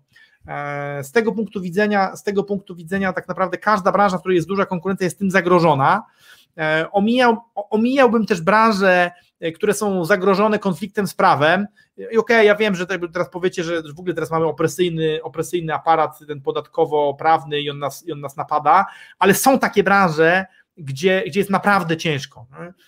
Branża złomowa, metalowa, tam, tam, gdzie są, tam, w ogóle, tam, tam, gdzie są, tam, gdzie są zwroty VAT-u, E, jak zaczynasz biznes, to lepiej zaczynaj w takim miejscu, gdzie urząd skarbowy czy tam urząd celny raczej nie będzie ci wjeżdżał na kontrolę. E, ja bym omijał, ja bym omijał te wszystkie branże, w których właśnie w których jest ryzyko konfliktu, e, konfliktu z prawem, z racji samego faktu, że samego faktu, że istniejesz i, i świadczysz usługi. Natomiast, natomiast bardzo mocno szedłbym w kierunku branż, Y, które, które są na topie i mają perspektywę być długo na topie. Jeżeli umiesz robić cokolwiek dla IT, to to rób. Jeżeli umiesz robić cokolwiek dla, dla deweloperki, to to rób, ale ze świadomością, że tutaj horyzont czasowy będzie taki, że jeszcze może rok, może dwa, a może półtora, a może pół.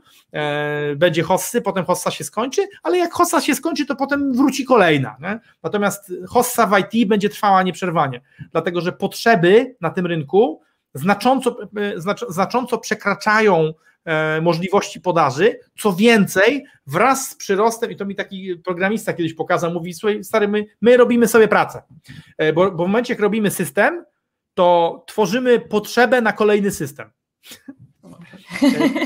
Jeżeli umiesz cokolwiek robić związanego z IT i dla IT, to, to, zdecydowanie, to zdecydowanie to rób. Okej. Okay. To co? E, dziękuję Ci bardzo. Pytań e, jeszcze mamy. E, żyj w naturze. Jestem na etapie przechodzenia z 13-letniej działalności na spółkę ZO. Czy możesz polecić jakiś kurs lub kogoś, kto pomoże mi szybko przez to przejść? Wiesz co, tak, jeżeli, jeżeli, chodzi, jeżeli chodzi o przekształcanie się czy przenoszenie się ze spółki, tak głupio kurczę tak polecać siebie, no ale w sumie każda sroczka swój ogonek chwali. My pomogliśmy z Pawłem i z naszymi doradcami przejść przez ten proces około 300 firmom, więc potrafimy i mamy, i mamy namierzonych dobrych doradców podatkowych, których nie zatrudniamy celowo e, z tego powodu, o którym powiedziałem, i prawników, e, i doradców restrukturyzacyjnych, którzy potrafią firmy dobrze przekształcać. E, natomiast, no więc umiem polecić siebie. Przepraszam, autopromocja. Niby Maćku, zrobiłeś tak, tak dobry tutaj live dla nas teraz, że myślę, że oglądający to wybaczą. Tak? Ale nie ma żadnej oferty, nie będzie żadnej promocji, nic. Okay. A, to, e, Mateusz... rada, numer, rada numer 11 jeszcze chciałem powiedzieć. Rada numer 11. Nie dawajcie zniżek. Nie dawajcie zniżek. Szanujcie swoją cenę. Jeżeli ustalacie cenę na jakimś poziomie, to za nią pracujcie. A zwłaszcza w usługach. O, to ja powiem tak. Mateusz, o, ja mam jedną, mam jedną radę, mam jedną radę dla Mateusza odnośnie, odnośnie robienia biznesu w branży prawniczej. Jeżeli ustalisz jakąś cenę stawki godzinowej, to jej nie negocjuj. I, I argumentuj zawsze w ten sposób. Doradca, prawnik, każdy. I to jest, to, jest, to, jest, to jest prawdziwy, uczciwy argument. Czy jeżeli zatrudniasz mnie na 10 godzin i chcesz mi płacić mniej, to znaczy chcesz, żebym pracował mniej intensywnie w tym czasie, jeżeli negocjujesz ze mną? No pewnie nie. No pewnie nie chcesz, żebym się obijał w ciągu tych godzin. Chcesz, żebym pracował jak najlepiej. Więc płać mi tyle, ile ja potrzebuję zarobić, żeby być tym najlepszy. E, I nie róbcie. Nie, nie, nie konkuruj ceną tak naprawdę, bo dlaczego nie. przedsiębiorcy e, schodzą z ceny, tak, żeby po prostu być tańsi niż inne osoby, tak, tak mi się wydaje. ale właśnie i, i to, jest, to, to, jest złote, co powiedziałaś Weronika, bo, bo to jest właściwie znowu tak naprawdę e, appendix do tego, o co zapytał Jakub Wrona. Jakie branże mieć z daleka? Te, w których trzeba walczyć ceną. Jeżeli w branży nie można zdobywać klientów inaczej niż ceną, to należy tą branżę omijać z daleka i nie, nie wchodzić w nią, uciekać. Okej, okay, no dobra. Jeszcze mamy pytania. Maćku, ja nie wiem, wiesz, jak ty z czasem tutaj. Ja jeszcze mam chwilę, za chwilę idziemy, za chwilę idziemy z moją Olą na spacer, ale jeszcze, jeszcze chwilkę. E, to co, jeszcze pytanie od e, Tomka Kocika. Czy mógłby pan, e, czy, czy mógłbyś Maćku, bo was biuro jesteśmy wszyscy na ty, doradzić, tak. czym mógłby się zajmować osoba, która ma wykształcenie w zakresie transportu drogowego, doświadczenie na stanowisku dyspozytora własnej floty, obsługującej kontrakt przez okres dwóch lat oraz lubiąca szeroko pojętą organizację. Czyli takie doradztwo tutaj, jeżeli chodzi o biznes, tak? Tomasz chyba nie po ma pierwsze, pomysłu na biznes? Po pierwsze, po, pierwsze taka, po pierwsze taka osoba może, po pierwsze taka osoba może założyć swoją firmę logistyczną. Po drugie, taka firma może, e, może oferować usługi optymalizacji kosztów e, zarządzania flotą firmom transportowym, które posiadają flotę. Nie? E, po trzecie, taka osoba, znając koszty, znając koszty obsługi, posiadania, serwisowania E, floty, floty transportowej może zaopatrywać firmy transportowe i logistyczne, e, czyli, czyli w zasadzie w którykolwiek z komponentów. Nie? E, więc, bo, bo, bo, ty, bo ty, Tomaszu, piszesz o tym, że te doświadczenia, które, które opisujesz, to opisują osobę, która, która wie, jak produkować usługę logistyczną. Więc, więc właściwie wszystkie, wszystkie, wszystkie, biznes, wszystkie przysługi, jakie przysługi, e, usługi, jakie można świadczyć dla firmy e, transportowej bądź, bądź logistycznej są w Twoim zakresie. możesz i tam i sprzedawać im usługi, i możesz im sprzedawać części, i możesz im sprzedawać finansowania, e, bo znasz ceny, znasz ich problemy. Super. Jakub Wrona, dobry moim zdaniem komentarz, tak, że dla znajomego taniej, a może znajomemu zapłać więcej właśnie, czyli tutaj jakby... Ja, ja trzymam się zasady takiej, że albo robię pro bono, i wtedy to jest przysługa i ktoś jest mi winien przysługę. E, jest trochę takich ludzi, od których wolę mieć przysługę niż pieniądze. E, albo robię za normalną stawkę. Nie, nie, nie praktykuję robienia za pół stawki, bo robienie, znaczy robienie, robienie za mniejszą stawkę powoduje, że, że, że ty, ty jako pracownik e, pracujesz gorzej. Nie? Więc jakby no, po co się na to narażać? E? Po co? Okej. Okay. I co? I tutaj mam jeszcze wypowiedź Krystiana, e, to już ostatnia, którą tutaj będę cytować.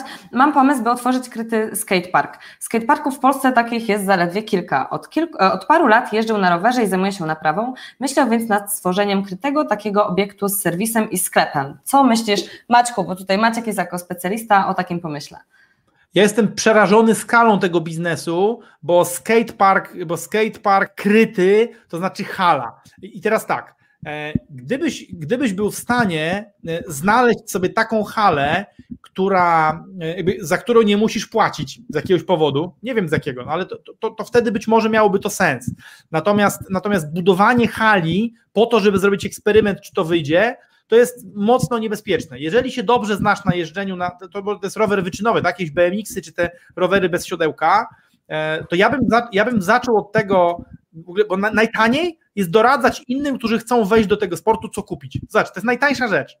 I, i możesz im sprzedawać swój czas, e, w ramach którego powiesz im, jaki najlepszy kupić setup za najlepsze pieniądze. Czyli ktoś przychodzi do ciebie i mówi: Słuchaj, e, chcę zacząć jeździć, to jakby, po, po, mi najlepszy zestaw za 1500 zł. Już nie ma problemu, za dwie stówki powiem ci co i jak, e, powiem ci, co jest dobre, co jest niedobre, za co warto płacić, za co nie warto płacić masz wiedzę, która jest warta konkretne pieniądze.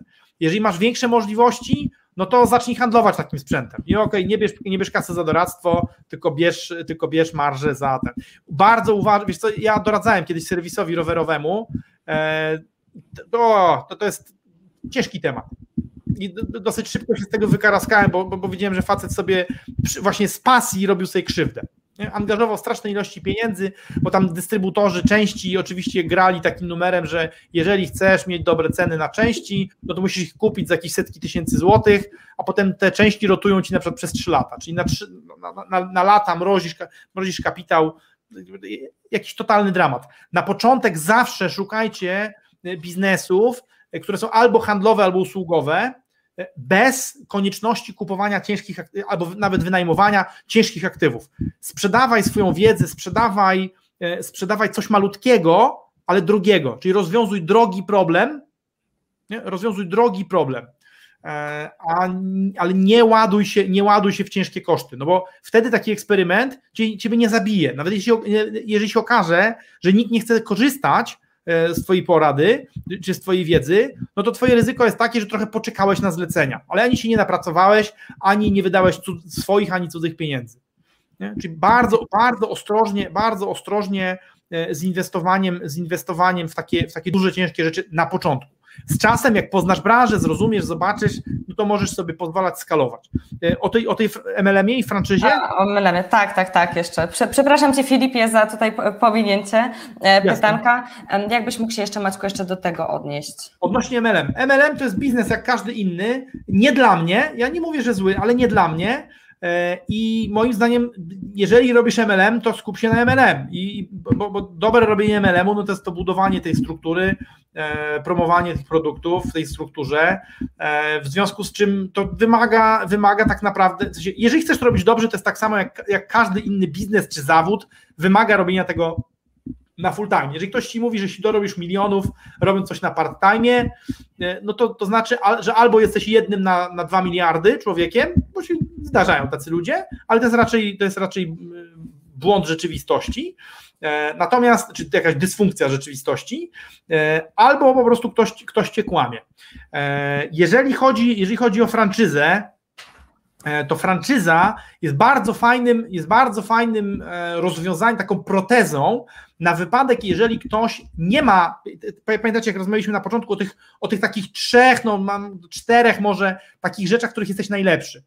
Jeżeli tak myślisz sobie i myślisz i nic nie jesteś w stanie znaleźć, albo te rzeczy, które znajdujesz, słabo płacą, albo są strasznie mocno owalone konkurencją, e, to wejście we franczyzę, ale uwaga, naprawdę dobrą, sprawdzoną franczyzę, do, to znaczy dobrą, sprawdzoną, znaczy taką, gdzie porozmawiasz nie ze, nie ze sprzedawcą franczyzy, ale z właścicielami franczyz, tych franczyz, w sensie z franczyzobiorcami, e, którzy pokażą ci, jak się zarabia na tej franczyzie i sobie zobaczysz, no opłata franczyzowa 50 tysięcy, a on zarabia 250 rocznie. No to, to jest dobra franczyza. I, I franczyza jest takim wytrychem, bo to jest gotowa metoda na to, jeżeli jest dobrze zrobiona, na to, jak zarabiać. Od razu w dobrej franczyzie dostaniesz informację, gdzie otworzyć punkt, jakich ludzi zatrudnić, w jaki sposób zdobywać klientów, albo wręcz dostaniesz klientów, E, I więc, więc franczyza jest, jest e, wytrychem do problemu opisanego w punkcie w radzie numer dwa, czyli bardzo rozważnie dobierz sobie przedmiot działalności. Okej, okay. no to co? Ja Ci dziękuję bardzo, Maćku, za Twoje wszystkie, wszystkie 10 rad. E, mam nadzieję, że skorzystaliście e, bardzo z, z, tego z tej dzisiejszej transmisji. Ona oczywiście będzie zapisana, bo nie sposób tego wszystkiego, wiesz, Maćku, co dzisiaj przekazałeś, zapamiętać e, i spisać, tak mi się wydaje, więc na spokojnie sobie będziecie mogli obejrzeć. Jeżeli uważacie, że właśnie takie materiały i w ogóle dostęp do wiedzy ekspertów takich jak Maciek, przedsiębiorców z wieloletnim doświadczeniem mają sens, a myślicie o swoim biznesie, no to co, z tego miejsca możemy, Maćku, tylko i wyłącznie zaprosić ich do, na konkurs Plan na Start. E, dla osób, które, które myślą o swoim biznesie. E, jest to konkurs e, właśnie, w którym na przykład Maciek jest jurorem na biznesplan.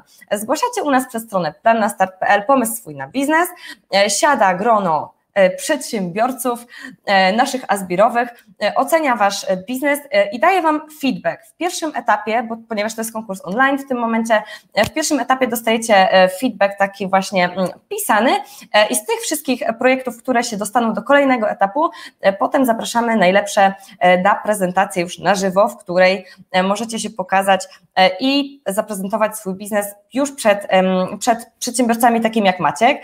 Maciek, Ty byłeś u nas w komisjach. Jak jak oceniasz, e, jak oceniasz osoby, które się do nas zgłaszają e, i w ogóle sam konkurs? Wiesz co, no, konkurs oczywiście bardzo mocno ewoluuje, bo jestem w nim od początku, czyli chyba to będzie szósta edycja w tej chwili e, i na początku było 10 uczestników, teraz, teraz są ich setki, więc musimy, musimy w ogóle wybierać, screenować te osoby, które dopuścimy do tego konkursu właściwego. Natomiast, natomiast to, to, to, to co mogę powiedzieć, to to, że ten konkurs ma, ma już bardzo, bardzo dużo absolwentów, którzy dzięki temu, że się zmierzyli z nami, z bardziej doświadczonymi kolegami i koleżankami, posłuchali naszych opinii, e, czasami bardziej stonowanych, takich, takich jak moje, a czasami dużo bardziej brutalnych i wprost. E, Maćku, ty stonowany? To, to, tak, ja jestem, jeżeli chodzi, jeżeli chodzi o, o, o wypowiedzi jurorów, to jestem, to jestem z tych bardziej łagodnych. E, I mieli okazję się skonfrontować, poprawić swoje biznesplany, a potem wystartować z biznesami. No, ja współpracuję, współpracuję w tej chwili z jednym z laureatów, który prowadzi bardzo fajny biznes, osiąga już milionowe obroty E, i nie mam upoważnienia, żeby, żeby personalia ujawniać, jak zechce się ujawnić, to się ujawni. E, natomiast, natomiast e, to, to jest bardzo fajna okazja do tego, żeby uzyskać konsultacje z takimi ludźmi jak ja, których stawka konsultacyjna to jest 500 zł, a w niektórych przypadkach E, to powinny być tysiące złotych, bo czasami na przykład w konkursie juroruje e, Ela Marciniak, e, której czas, mówię, no, tysiące złotych za godzinę bez, bez mrugnięcia okiem należy płacić, tudzież, tudzież inne gwiazdy polskiego biznesu, więc tak naprawdę możecie się skonfrontować, uczestnicząc w konkursie, z siebie i swój, pro, swój, swój problem, swój pomysł na biznes możecie skonfrontować z ludźmi, którzy, których łączny koszt za godzinę to są jakieś no, na przykład 8 czy 10 tysięcy złotych. E, nigdy w życiu byście takiej, takiej konsultacji po prostu nie kupili, bo po pierwsze niektórzy z tych ludzi w ogóle są nie do wynajęcia, czyli nie ma strony, na której sobie możesz wejść i wynająć Elę Marciniak, żeby dla Ciebie pracowała, bo ona pracuje tylko wtedy, kiedy ma ochotę i tylko jeżeli jej się spodoba. E, I jest sporo, jest tam sporo takich doradców, którzy, właśnie przedsiębiorców, którzy robią swoje biznesy i doradzają tylko i wyłącznie podczas planu na start. Więc e, uważam, że to jest naprawdę świetna okazja do tego, E, żeby skonfrontować swój pomysł e, z, z doświadczeniem tych ludzi i stać się lepszym. E, unik, bo, bo, bo tak naprawdę to, można powiedzieć, że to jest takie miejsce, gdzie, zgroma, gdzie, gdzie ten punkt dziesiąty jest w największym skondensowaniu zrealizowany. Na planie na start E, spotkasz się z kilkunastoma, zazwyczaj z kilkunastoma, prawda, bo, bo trafiamy do kilku, tak, do, tak, do tak. kilku, kilku komisji. komisji. E, więc spotkasz się, okej, okay, dobra, z ośmioma, z ośmioma, może dziesięcioma e, bardzo doświadczonymi ludźmi, e, którzy powiedzą ci, jak nie poparzyć sobie paluszków. I być może, jeżeli będzie tak, że twój, na przykład, że, że twój pomysł wygląda na to, że próbujesz skoczyć na główkę z klifu, to ci o tym powiedzą. I to, może, i to, i to oczywiście dla niektórych jest bardzo nieprzyjemne, ale z drugiej strony dużo bardziej nieprzyjemnie jest skoczyć na główkę z klifu i uderzyć głową o spód klifu. Tak. E, także zareklamowałeś lepiej niż tak, tak naprawdę ja to mogłam zrobić i to jeszcze jako osoba e, wewnątrz, tak, jako juror. No, z, ja od siebie mogę powiedzieć, że takich osób jak Maciek po prostu jest e, dużo. E, bardzo Ci Maćko też dziękujemy za to, że jesteś właśnie już jurorem u nas tyle lat i wspierasz naszych początkujących przedsiębiorców, tak, i, i początkujących i azbirowców w budowaniu lepszych biznesów i właśnie nie w wchodzenia w, może w miejscach, których nie do końca powinni tak i nie, nie, nie są w stanie zarobić. No to co, e, bardzo Ci dziękuję. Dziękuję Wam wszystkim jeszcze raz mm, za uwagę. E, mam nadzieję do zobaczenia, e, a zgłoszenia do konkursu zbieramy do końca tego miesiąca, także spieszcie się. To cześć.